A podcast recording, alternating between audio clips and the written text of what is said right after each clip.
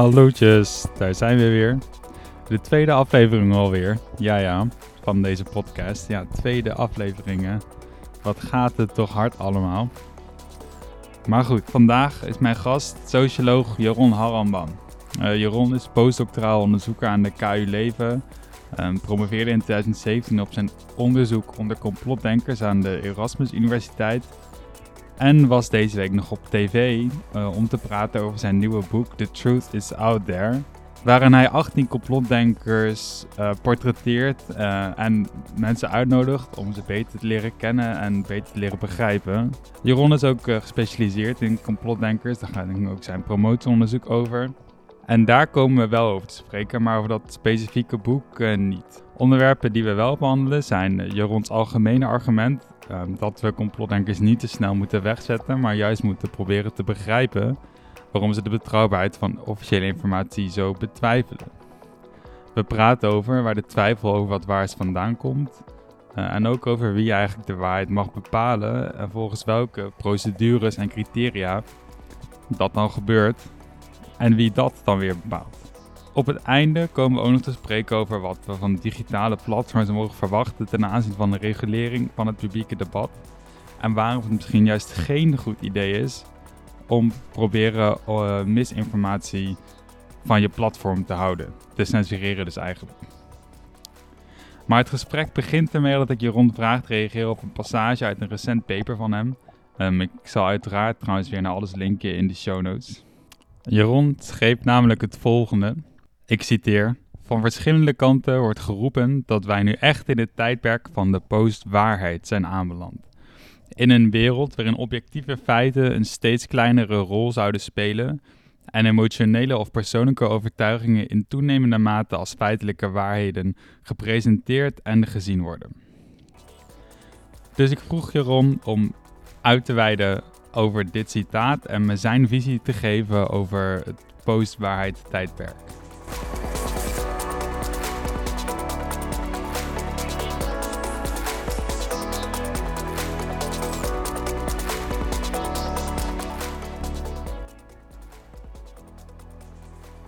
Nou ja, dus dit is meteen een soort van de officiële definitie van post-truth tijdperk. Uh, zoals je dat uh, ja, in veel bronnen kan lezen. Uh, ja, en daar zitten nogal wat haken en ogen aan. Um, dus ik had al meteen toen dat zeg maar ja, zo populair werd, in 2016 volgens mij, na de Brexit-referendum en met Trump. Ja. was een groot alarm in de academische en politieke en cultuurelite, zeg maar. Um, maar ja, de, het, het, het lijkt zo simpel en het lijkt ook wel te kloppen, maar er zitten heel veel haken en ogen aan. Dus allereerst denk ik dat het een heel erg soort van, uh, nou ja, ontkent denk ik in de soort van de fase waar we in zitten. Waarbij het niet zozeer is dat we voor, dat is, dat, dat is de stelling die ik in dat paper vooral beargumenteer, is dat we niet zozeer in een tijdperk zijn waarbij we voorbij de waarheid zouden zijn, waarbij de waarheid er niet meer toe doet, niet meer relevant is, et cetera. Je ziet juist dat de waarheid er heel erg toe doet. En dat daar hele heftige maatschappelijke discussies over zijn. Dus dat vanuit verschillende kanten in onze samenleving officiële waarheden betwist worden. En dat is niet zomaar omdat, ze, omdat de waarheid dan niet meer relevant is, maar omdat andere mensen andere claims op waarheid leggen en met verschillende manieren. Uh, dus dat is eigenlijk wat ik wil meer laten zien, is dat we eigenlijk midden in een publieke strijd zitten om de waarheid en dat het erom gaat van wie mag die bepalen op welke manier? En, uh, ja, en volgens welke procedures? Ja. ja, dus het is niet zozeer dat we de waarheid minder, zijn, minder belangrijk zijn gaan vinden, maar misschien eigenlijk juist meer. Ja, en denk dat precies. En de morele paniek rondom post-truth is dus eigenlijk het idee dat, dat we niet zozeer groepen hebben die niet meer in de waarheid geloven, maar dat er verschillende groepen zijn die dus de claims op de waarheid van de wetenschappelijke, politieke media-elites betwijfelen. En dat het dus een strijd is. En dat, is, dat wordt heel erg onzichtbaar gemaakt met de, deze dominante definitie.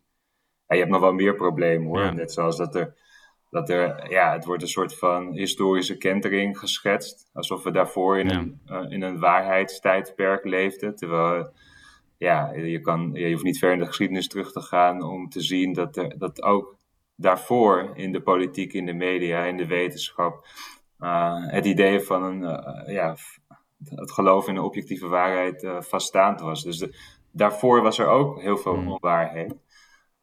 daarnaast schetst het ook een beeld van een heel soort makkelijk zwart-wit onderscheid tussen waarheid en onwaarheid, of tussen feiten en fictie, tussen meningen en opiningen, tussen politiek en, uh, ja, en feiten en wetenschap.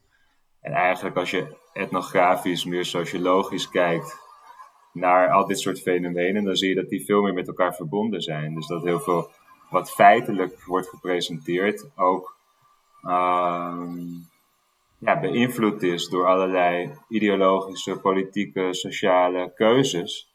En die dus daarmee ja. Ehm, ja, invloed hebben. Ja, er wordt een beetje gedaan alsof zeg maar, de traditionele feiten, dus bijvoorbeeld van de traditionele media of zo, een soort van uh, neutraal doorgeefluik zijn van de werkelijkheid. En alles wat daarvan afwijkt, dat moet dus wel gebaseerd zijn op emotie in plaats van op reden. Ja, precies. Terwijl je, als je ziet wat, wat, feit, wat als feiten gepresenteerd worden, dat daar ook heel veel, uh, ja, wat je dan zachte kanten zou kunnen noemen. wat niet objectieve, de juiste subjectieve kanten. De politiek, de ideologie, de machtsstructuren, de methodes, noem maar op.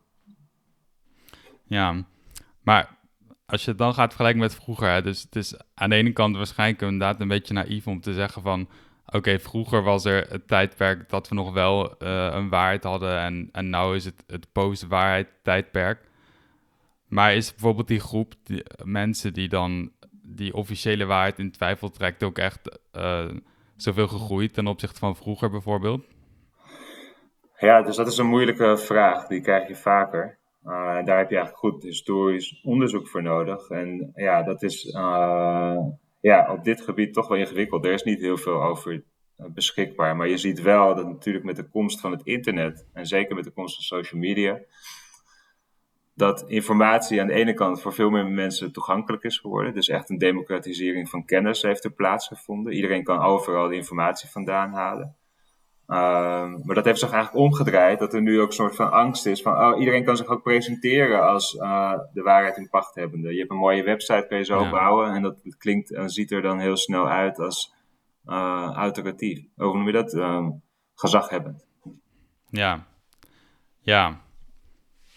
Dat, dat heb ik zelf dat gevoel mezelf. Als je bijvoorbeeld heel veel van die boeken over post-truth, die zijn ook heel vaak van journalisten en dan is het vaak van... Um, waarom bullshit de wereld veroverd heeft of zo.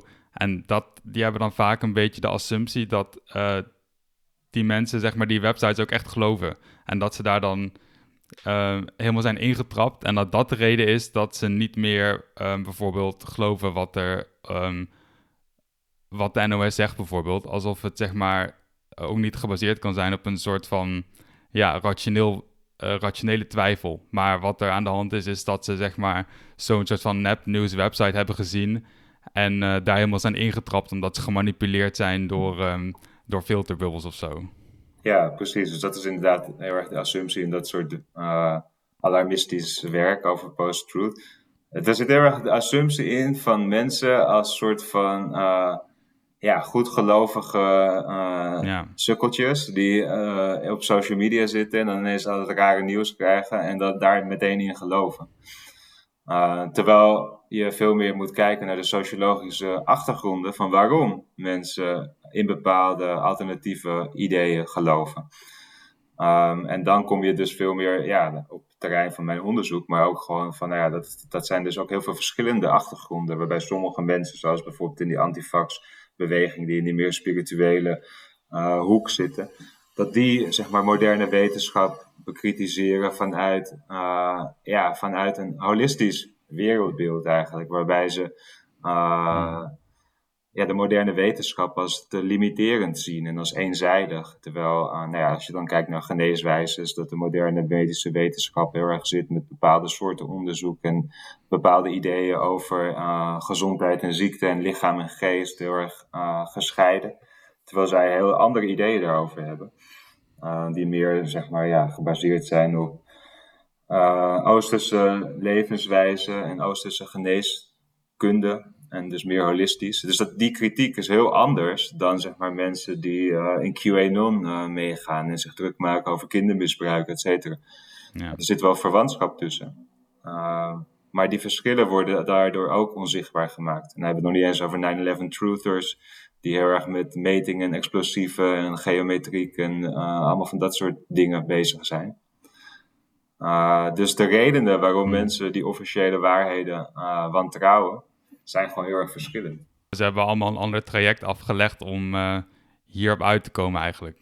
Ja, en ze doen het ook, ook nu. Het is niet alleen maar dat het, op het, waar ze op uitkomen anders is, want ook hoe ze vormgeven aan hun dagelijks leven door die ehm, ja, kennis die ze hebben of beeldbeschouwing die ze hebben dat het ook heel anders is. die, die New Age-achtige mensen, die, die zitten vooral zeg maar, met uh, biologisch eten, niet vaccineren, uh, yoga, spiritualiteit, dat soort dingen. Die hebben een heel ander leven dan de mensen die met 9-11 Truth bezig zijn, die uh, totaal niet ehm, met dat soort spirituele dingen zitten. Wat ik ook zo limiterend vind aan het begrip van post-truth, is dat daar de nadruk heel erg wordt gelegd op de burgers, die zeg maar uh, gefopt zouden worden met allerlei vormen van uh, disinformatie. En daarin trappen. En dat de productie van disinformatie vooral zeg maar, uh, afkomstig is uit allerlei soort van rare fringe hoeken in de samenleving, op de extreme, die valse kennis produceren en zo ons rationele debat vergiftigen eigenlijk. Ja. Terwijl een heel groot deel van wat onzekerheid brengt over wat waar is en wat twijfel zaait over wat waar is, afkomstig is, paradoxaal genoeg, uit wetenschappelijk onderzoek tussen haakjes. Want dat is dan wetenschappelijk onderzoek gefinancierd door bepaalde industrieën, of je het nu hebt over de fossiele industrie, de farmaceutische industrie, de tabaksindustrie, de klimaatenergie, dat die bedrijfstakken vaak enorme financiële en juridische mogelijkheden hebben om bepaald hmm. wetenschappelijk onderzoek te produceren dat bedoeld is om twijfel te zaaien over officiële waarheden. Dus het mooiste voorbeeld is natuurlijk met de tabaksindustrie, waar ze jarenlang allerlei onderzoek gefinancierd hebben om dat verband tussen roken en kanker zoveel mogelijk te, uh, ja, van twijfel te voorzien en te doen wankelen. En dat is eigenlijk disinformatie. Regelrechte disinformatie met enorme consequenties, want het wordt namelijk gezien als wetenschappelijke kennis.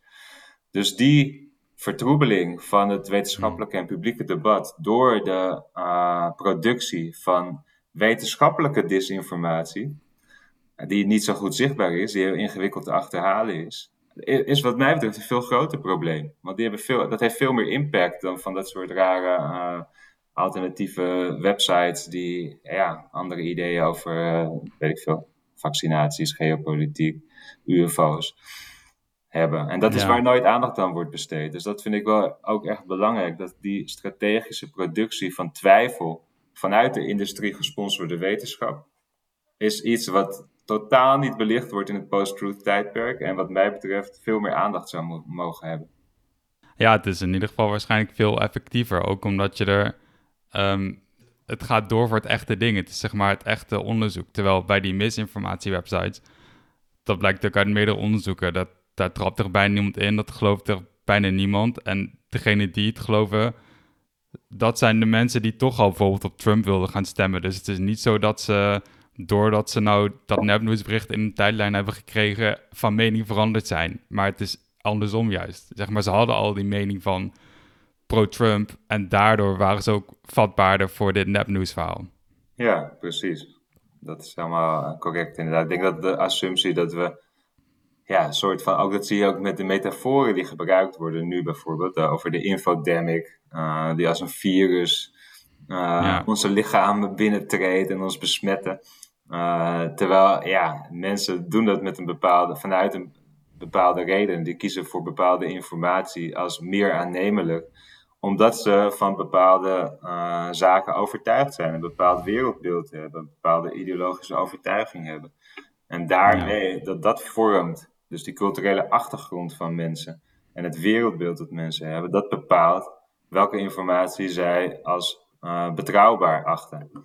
Uh, en daar zie je, dat zijn opvattingen en wereldbeelden die best wel stabiel zijn. Die veranderen niet als je een paar berichtjes op Twitter ziet. Die, als jij zeg maar, overtuigd bent dat de mainstream media goede informatie geeft, ja, dan ben je niet 1, 2, 3 omgedraaid. Maar bij dit aspect denk ik ook wel, ondanks dat die complotdenkers allemaal op een andere manier invulling geven en op een andere manier um, er zijn uitgekomen, misschien hebben ze toch wel de gemene delen dat er toch ook hier iets is misgegaan in een meningsvormingsproces. Want anders kom je er waarschijnlijk niet op uit dat, dat vaccinaties autisme veroorzaken of dat de aarde plat is, bijvoorbeeld. Ja, nou, ik denk dus dat het heel erg moeilijk is om hier generieke uitspraken over te doen, omdat die verschillende complottheorieën enorme verschillen hebben in ook de plausibiliteit en de, de sterkheid van die argumenten die daar vandaan komen. Uh, hmm. Dus ja, die twee voorbeelden die je gaf zijn al heel erg verschillend. En daar valt veel meer over te zeggen. En ik denk ook het beeld wat we hebben bij de vaccin-critici, uh, uh, is dat daar ook verschil wordt gemaakt tussen, weet je wel, sommige mensen die daar categori categoricaal, categoriaal tegen hm. vaccinaties. Maar sommige mensen zeggen van, nou kijk, we, het is ook goed om je... Sommige, voor sommige ziektes kan je het wel doen, want die zijn dodelijk en gevaarlijk, zoals de mazelen. Maar andere, daar kan, daar kan een kind gewoon, of polio, of weet ik veel wat, daar kan een kind gewoon hm. goed doorheen groeien. En die krijgt daardoor een betere weerstand. Dus daar zit ook verschil tussen. Uh, en sommigen zeggen alleen maar van, ik wil dat wij gewoon een keuze hebben. En dat we niet gedwongen worden tot vaccinaties. Uh, dus de, weet je wel, ik denk dat je op elk van die onderwerpen veel specifieker moet ingaan om de rationaliteit van de argumenten en van de mensen te beschouwen, dan het allemaal onder het noemertje van de complottheorie plaatsen. Want dan ja, ben je gewoon veel te generiek bezig. En het klopt, er zijn natuurlijk overeenkomsten. Ja. Uh, ik denk dat de belangrijkere overeenkomst die je kan optekenen eigenlijk misschien meer zit in de soort van de dogmatiek van die geloofsovertuigingen of van die overtuigingen die mensen hebben. En dat je ook in die complotdenkerswereld uh, ziet dat er sommige mensen zijn die juist heel erg actief zijn bezig met informatie uit verschillende bronnen halen, proberen te achterhalen wat er echt aan de hand is, hunzelf kritisch bekijken, uh, dingen checken, onderbouwen. En die, die zijn heel erg hmm. verschillend van de meer dogmatische uh, mensen die echt in, in het wereldbeeld geloven dat niets is wat het lijkt. En dat alles wat ons verteld wordt anders is. Dus daar, weet je wat, dat is het stereotype die je vaak ziet. Uh, maar die andere mensen die veel meer inhoudelijk uh, en reflexief bezig zijn over wat er waar is, die worden er eigenlijk daarmee in verband gebracht. En zo ook uh, geridiculiseerd en niet serieus genomen. En ja, dat is hetzelfde wat je nu zag met de coronacrisis. Dat alle kritiek op het officiële verhaal of alle kritische geluiden of twijfels of uh, you name it, worden meteen weggezet als gevaarlijk, disinformatie en uh, als wappie. Ja. Terwijl, ja, ik bedoel, dat is het interessante aan wat er allemaal met deze coronacrisis gebeurde. Is dat sommige van die verhalen, zoals bijvoorbeeld uh, dat het uh, virus misschien ontsnapt zou zijn, bewust of onbewust, uit het Wuhan Institute of Virology, werd meteen afgedaan als paranoïde complottheorie. En halverwege vorige zomer kwamen er al berichten naar buiten van, van gerespecteerde media-outlets als de Washington Post, die van bronnen binnen de intelligence uh, agencies van de Amerikanen um, doorkregen dat er misschien wel reden was tot twijfel en dat er uh, onduidelijkheid was over de veiligheid van het instituut al jaren daarvoor. En dat zie je nu de afgelopen paar maanden um, steeds meer naar voren komen. En dus zelfs president Biden die dat serieus neemt en daar onderzoek naar laat plaatsvinden. Dus hier zie je al van hoe, uh, ja, hoe iets eerst als idioot en ridicuul en uh, complottheorie wordt bestempeld, nu ineens wel serieuze aandacht krijgt. Uh, dus we moeten goed opletten dat we niet te veel dingen te makkelijk uh, wegschuiven als paranoia en irrationeel en uh, gevaarlijk. En zeker niet als je dat uh, ja, van heel veel verschillende onderwerpen tegelijk doet. Dus zelfs corona-complottheorieën hmm. gaan over heel veel verschillende dingen. Van 5G tot uh, chips van Bill Gates tot zeg maar de lab leak theory. Ja, die lab leak theory is wel echt een goed voorbeeld, want inmiddels is dat um, Ja, ik weet niet hoe, wat nou precies de status is, maar het is behoorlijk aan het shiften in ieder geval.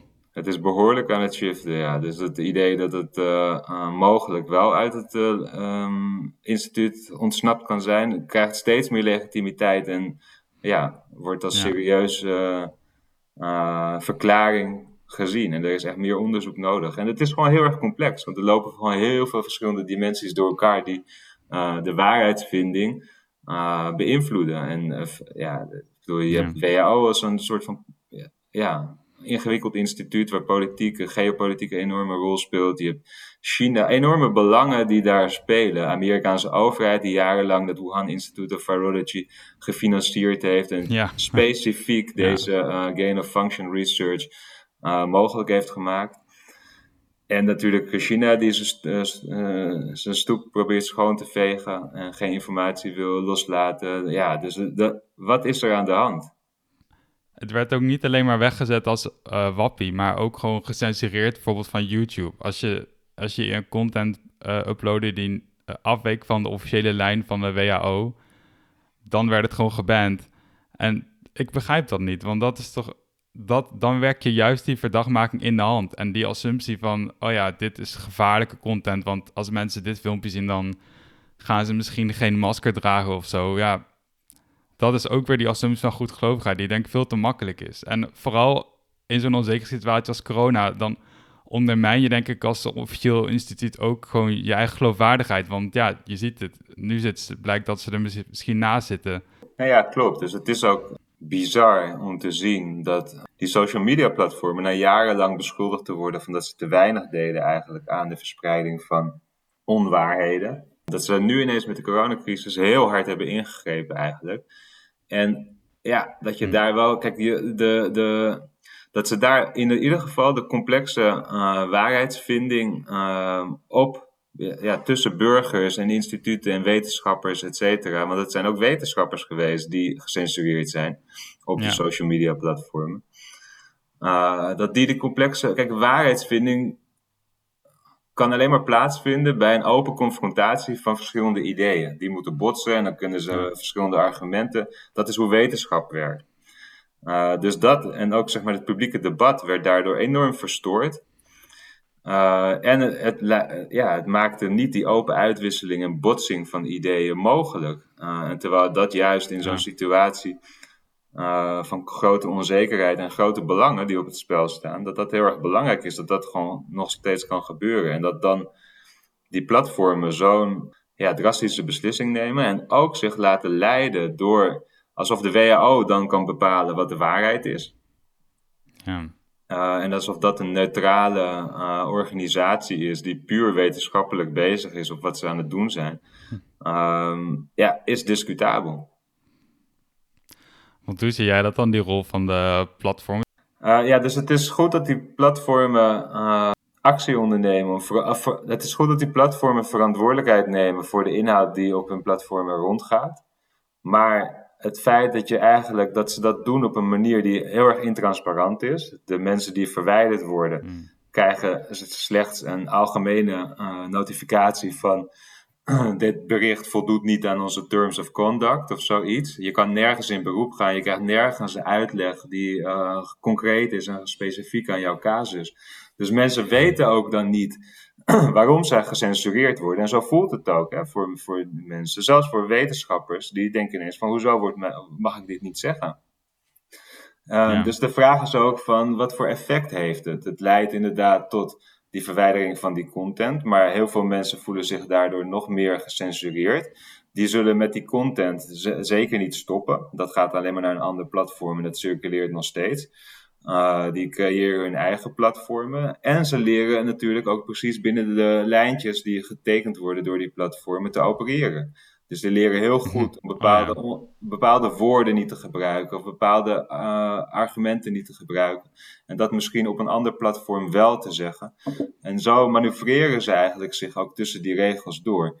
Maar het belangrijkste eh, probleem dat ik ermee heb is dat die beslissingen om bepaalde content te verwijderen totaal ontransparant gebeurt. En niet op een manier waarbij mensen die het gevoel hebben dat ze daar oneerlijk door zijn benadeeld, dat, ze daar, ja, dat je in beroep kan gaan. En dat je om uitleg kan vragen. En dat je niet ineens zeg maar, je halve. Uh, uh, ja, hoe noem je dat? Uh, dat je al je profiel en je berichten, et cetera, weg worden gehaald en verwijderd worden. Ja. ja, als je nou CEO bent van Twitter of Facebook, heb je best wel wat politieke macht en invloed over ja, welke informatie over de werkelijkheid wij te zien krijgen of niet. Terwijl ze helemaal geen democratisch mandaat hebben om zulke beslissingen te nemen. Ja, absoluut. En steeds meer zijn die sociale platformen natuurlijk ehm, ja, ons publieke debat geworden. En het publieke debat moet democratische waarden vertegenwoordigen, uitdragen, stimuleren. Um, en de vraag is gewoon heel erg in hoeverre die democratische waarden door de platformen überhaupt gestimuleerd worden. Want zij hebben gewoon een winstoogmerk. Hmm. Dus ja. Dus dat is uh, iets wat, dan, ja, wat een groot probleem is van hoe in het tijdperk van digitale uh, technologieën en social media platformen, hoe geven we vorm aan het publieke debat? En wat kunnen we van die techgiganten eisen? Dat zij moeten. Die algoritmes zijn. Dus dan hebben we het nog. Dit is alleen maar het businessmodel waar ze, uh, waar ze die platformen mee georganiseerd hebben. Maar ook als je gewoon kijkt van hoe werken die algoritmes? Hoezo hebben mensen geen controle over hun feed? Zoals een adverteerder dat op Facebook wel kan hebben. Die kan gewoon zeggen: Ik wil de berichten, eh, of ik wil mijn advertenties specifiek aan uh, Marokkaanse tieners van, 20 tot, uh, of van 10 tot 20 focussen. Of aan huisvrouwen in de provincie Overijssel die een fascinatie hebben voor bloemvazen. Al die mogelijkheden om specifiek te je feed te organiseren, zijn er wel als je betaalt maar niet als je gewoon gebruiker bent. Er wordt vaak als aanname gedaan dat we moeten eisen van ze of dat we moeten streven naar dat we zeg maar ja, misinformatie tussen aanhalingstekens uh, weigeren van het platform of proberen te verwijderen van het platform. Maar dan kom je weer terug bij die kwestie van wie uh, heeft het recht om te bepalen wat kennis is en wat dan uh, zeg maar de andere kant van de medaille misinformatie is, wat informatie is en wat misinformatie is. En juist als je dat zo ver gaat laken dat je het um, ja, gaat censureren. Mensen denken dat ze dan waarheidsvinding helpen, maar volgens mij gebeurt dan juist het tegenovergestelde. Ja, waarom? Wat bedoel je? Nou ja, als je zeg maar, als je dat debat uitsluit, dus um, in plaats van dat je kan weten waarom het niet waar is, um, weet je alleen dat het verboden is om te zeggen. Maar als, je, als het niet gezegd mag worden, kan je ook niet kan ook niemand uitleggen wat er niet aan klopt. Ja, precies. Dus dat is ook het hele idee dat. Ja, dat er als dat er, zeg maar, de, wat je zou willen eigenlijk in het publiek debat, is dat je voor- en tegenstanders hebt die elkaar de argumenten geven om bepaalde ideeën uh, te ontkrachten of te bekrachtigen. En dat, en dat zien mensen, daar kunnen ze dan in meegaan. Maar ja, ook hier zie je eigenlijk weer dat de aandacht wordt afgehouden van, nou, net zoals bij post-truth, de aandacht dus niet gaat naar de wetenschappelijke beveiling van uh, onze kennis. Zie je ook hier met dat uh, fake news verhaal en disinformatieverhaal, dat de aandacht heel erg gaat naar ja, het gevaar van die valse informatie die op social media rondgaat. Maar het grote gevaar, wat mij betreft, zit vooral in het feit dat wij geen zicht hebben op welke partijen de social media platformen betalen om bepaalde groepen mensen met heel specifieke berichten te bereiken. Want dat is gewoon regelrechte manipulatie. En die manipulatie gebeurt op grote schaal, maar we weten allemaal niet door wie, op welke manieren, welke groepen uh, getarget worden en uh, met welke doeleinden. Dus dit is ook weer, weet je wat, het hele disinformatie, fake news verhaal legt heel erg weer de nadruk op waar de, waar de burgers mee te maken hebben. En niet zozeer op wie, er, ja, wie de, die grote platformen financieren. Ja, en daar zou eigenlijk meer nadruk op moeten liggen, denk jij? Ja, natuurlijk. Dus alle advertenties, zeg maar, dat, dus dat zou veel meer openbaar worden gemaakt. Van wie betaalt er voor wat voor soort advertenties? Waarom zie ik eigenlijk de dingen die ik zie in mijn uh, tijdlijn of in mijn uh, zoekresultaten of zo? Ja, dat is op individueel niveau. Maar dan zeg maar, ja, je hebt verschillende niveaus waar, waar, waarop je dit soort uh, ja, transparantie kan eisen. En dat is dus op individueel niveau naar de gebruiker. Van, hé, hey, ik krijg dit te zien, waarom? En dan is er een uitleg. Dat zou heel fijn zijn. Maar je wil ook op globaal niveau zien van, nou, wat zijn, welke partijen hebben... Wat zijn de grootste sponsors of, betaler, of betalers van Facebook?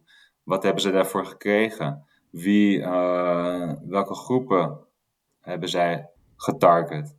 Uh, dus dat, om die grootschalige manipulatie van bevolkingsgroepen te kunnen blootleggen, heb je dat soort informatie meer op meer collectief niveau nodig dan op individueel gebruikersniveau. Dan kan je beter verklaren waarom mensen op groepsniveau bepaalde zienswijzes hebben gekregen. Ja, en dan kan je veel meer achter uh, ja, echt gewoon grote manipulatie aangaan. Want dat is denk ik het grotere gevaar eigenlijk dat, dat, dat fake news, dat gaat toch nog redelijk decentraal. Uh, disinformatie, dat is gewoon ideeën, bronnen, linkjes die gewoon door mensen gedeeld worden en die wel eens viral kunnen gaan. Maar dat, ja, tenzij daar een georchestreerde actie achter zit, is dat gewoon redelijk uh, organisch. Maar de andere kant op is echt gewoon echt top-down. Van er zijn gewoon bepaalde groepen actoren, uh, of het nou bedrijven of landen of uh, thinktanks zijn of weet ik veel wat voor duistere lobbygroepen, die baat hebben bij een bepaalde polarisatie of uh, twijfel over een onderwerp. Uh, die ja. dan heel gericht dat kunnen, ja, het vuurtje kunnen opstoken. Zonder dat iemand daar zicht op heeft. En bijvoorbeeld zo'n tabaksindustrie, bijvoorbeeld, bedoel je dan? Ja, bijvoorbeeld, maar ook bijvoorbeeld, ja, je ziet, uh, ja, net zoals met het referendum met Brexit, dat daar dan, ja, het hele Cambridge Analytica verhaal eigenlijk, waarbij je gewoon ziet dat, ja. No matter who, gewoon geld betaalt, uh, of het nou bij lokale verkiezingen in Zimbabwe zijn, of, of, of, of de Russische inmenging in allerlei nationale kwesties die controversieel zijn, van Spanje tot, ja, ergens anders in Europa. Ja. En je hebt natuurlijk lobbygroepen en bedrijfstakken, noem maar op. We, we, weten dat gewoon niet. En ja, het is gewoon continu, uh, als je daarmee bezig bent, van afvragen van oké, okay, wat zeggen die mensen? Wat voor belang hebben die? Um, welke instituten zijn ze verbonden? Maar dat is best een ingewikkeld. Dat is een hele ingewikkelde analyse die voor, ja, zoals ja. een hoogopgeleid en uh, in dit onderwerp gespecialiseerd uh, persoon als ik, ja, weet dan ook op een gegeven moment niet meer wat er echt is. En of zo'n ja. zo, zo behandelmethode tegen de COVID-19-symptomen ontwikkeld door Zelenko en uh, DJ Raoul met azithromycine en HCQ en zink, et cetera. je ziet, ja, werkt dat niet? Wat voor onderzoek vindt er plaats? En dan zie je dat het onderzoek ernaar plaatsvindt, dat dat vooral ja, op een manier gedaan wordt die niet overeenkomt met wat zij propageren. Dus dan, wat voor resultaten heb je dan? Uh, maar uiteindelijk is kost dat heel veel tijd en heel veel moeite. En zou je dit eigenlijk meer willen uh, of verlangen van ja, de, de wetenschapsjournalisten of de, de onderzoeksjournalisten die hier achteraan gaan? En die kunnen dat dan in ieder geval weer vertalen naar een groter publiek. En die hele zoektocht, als, je, als, we, dat, als we dat allemaal individueel af moeten leggen, dan zou dat wel een enorme uh, ja, verbranding van kapitaal eigenlijk zijn. Als we dat allemaal ja. individueel moeten doen. Daar wil je dus eigenlijk gewoon gespecialiseerde onderzoeksjournalisten voor hebben die um, kritisch zijn ook naar de wetenschap. En die dat niet zomaar zien als alles wat vanuit de wetenschap komt of vanuit de grote instituten van de wetenschap of van de WHO is de waarheid. Maar hoe zit het nou eigenlijk? Wie, wie propageren wat? Wat kunnen we daarmee? Wat klopt eraan? Wat klopt er niet aan? Want heb je het idee dat die duiding nu um, beter kan, tekortschiet? Nou, ik, ja, in het algemeen gesteld zie je dat die wetenschapsjournalisten vaak ook het gevoel hebben de wetenschap te moeten verdedigen. Zeker in dit tijdperk. Hmm. Dus ze krijgen heel veel uh, kritiek en commentaar van allerlei uh, complotdenkers en andere figuren die tegen die uh, bepaalde ideeën zijn. En dan zie je dat ze vooral bezig zijn met beargumenteren waarom de officiële waarheid wel echt klopt. Dan ook kritisch te hmm. kijken van, ja, wat zit, wat, weet je wel, wat, wat, wat, wat voor dynamieken zitten er achter de WHO om bepaalde ideeën als waarheid te presenteren? Waar gaat het mis? Wat zijn de argumenten? Ja, hoe zit dat HCQ-verhaal er nou echt uit zonder het meteen af te serveren als uh, onwerkbare methode? Dus ook gewoon die hele kennisproductie en die strijd om de waarheid binnen verschillende wetenschapsgroepen en landen, et cetera om dat kritischer te beschouwen. En niet zomaar van, oh, dit is allemaal vanuit de wetenschap en dan klopt het. En ik denk dat daar wetenschapsjournalisten vaak wel wat meer aandacht kunnen geven aan zeg maar, die, die ideologische en politieke dynamieken die achter die uh, kennisproductie zitten. Uh, meer licht werpen op hoe die kennis eigenlijk tot stand komt. Ja, en ik denk dat dat veel meer vertrouwen ook geeft dan uh, ja. ja dan de, dan de officiële waarheid maar blijft verdedigen. Dus dat proef je er heel erg doorheen in die artikelen.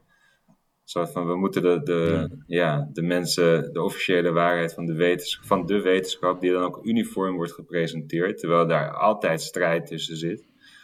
Uh, ja, dat kan wat mij betreft uh, spannender, dieper, uh, dynamischer, uh, wat veel meer recht doet aan, de, aan de complexe situaties waar we ons in bevinden. Ik denk ook dat, dat, dat je dan geloofwaardiger overkomt als je het zo gaat neerzetten in plaats van alleen maar, oké, dit, is, dit is de waarheid, de wetenschappelijke consensus en die moeten we nou gaan verdedigen. Want als je zo'n soort van vechtende houding aanneemt, dat, dat creëert juist achterdocht. Ja, dat zou je zeggen. Dat zou ik ook, zou ik ook zeggen. En dat, dat gevoel uh, roept het bij mij in ieder geval wel vaak op. Dat je dan niet het gevoel hebt dat, de, dat die uh, journalist dan heel erg onbevooroordeeld te werk gaat en echt op onderzoek uit is. Maar je voelt dan die, uh, of je proeft gewoon de, alle verschillende assumpties die er doorheen zitten. Um, mm. Ja.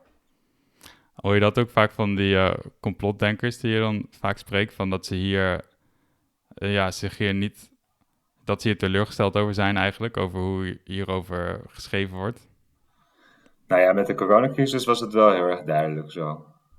Was dat in het eerste, de eerste vier, vijf maanden was het gewoon heel erg inderdaad het verhaal van, ja, hoezo stelt er niemand vragen bij de proportionaliteit, doeltreffendheid, enige kritiek van, op, de, op de coronamaatregelen, nuancering van wat er aan de hand is. Het was allemaal één sterk alarmistisch narratief. En hoe kan dat? Dat riep gewoon enorm veel wantrouwen op. Van we leven toch in een, in, een, in een democratie waarbij we een botsing hebben van verschillende ideeën, waarbij wetenschappers het met elkaar oneens zijn. En hoezo wordt er dan nu zo'n sterk uniform verhaal uh, gepresenteerd? Dat riep een hoop wantrouwen op en achterdocht. Van dan, moet, dan moet het wel georchestreerd zijn eigenlijk. Terwijl je natuurlijk vaak veel meer sociologische verklaringen ziet, is dat, uh, nou ja, dat uh, ook journalisten enorm uh, ja, bevangen waren door de angst van het virus en met het verhaal meegingen. Um, maar nog steeds duurt het lang voordat er verschillende geluiden en perspectieven op de crisis doorheen zijpelden. Um, en hmm. zag je ook dat de journalistiek ineens een ander soort rol had ook. Hè? Dat uh, in principe zijn de journalisten ervoor om ons te voorzien van betrouwbare informatie over de wereld, wat er aan de hand is. En het publieke debat faciliteren en een soort van waakhondsfunctie van de macht. En dat is er ja, uit het oog verloren. Uh, en steeds meer is het soort van de, uh, ja, wat die journalisten dan noemden, um, een verantwoordelijkheids rol zagen voor zichzelf om te zorgen dat mensen zich aan de maatregelen zouden houden en dat de crisis gemanaged kon worden en dat de journalisten daar of de media daar een belangrijke rol in speelden. Dus in plaats van een kritische beschouwing gingen ze meer aan de kant van de, van de gezaghebbers staan eigenlijk. Ja, van het is nu crisis, we moeten allemaal achter de kapitein gaan staan. Er, was, er werd heel veel alarm geslagen de afgelopen tien jaar over de uh, grote kwaliteitsmedia die het onderspit zouden delven in het uh, social media tijdperk. Maar het omgekeerde is waar. Uh, de abonnementen en de inkomsten van grote kwaliteitsmedia zijn alleen maar gestegen in de afgelopen jaren. En met de, met de komst van Trump en fake news en post-truth verhalen groeide het al. En, het, eh, en met het, uh, coronacrisis was het nu helemaal. Dus de behoefte van mensen aan betrouwbare informatie en goede kwalitatieve informatie is alleen maar gegroeid. Ehm, dus ja. ja. kijk, eigenlijk denk ik dat, het weer, dat we weer teruggaan naar, de, naar het oude poortwachtersysteem van uh, wat we 20, 30 jaar geleden hadden, waarbij de grote uh, kwaliteitsmedia heel erg sterk de informatievoorziening van ons konden bepalen. En dat internet heeft dat uh, heel erg door de war gebracht. En heeft een soort van democratisering met zich meegebracht. Maar nu zie je eigenlijk weer een soort van oligarchisering.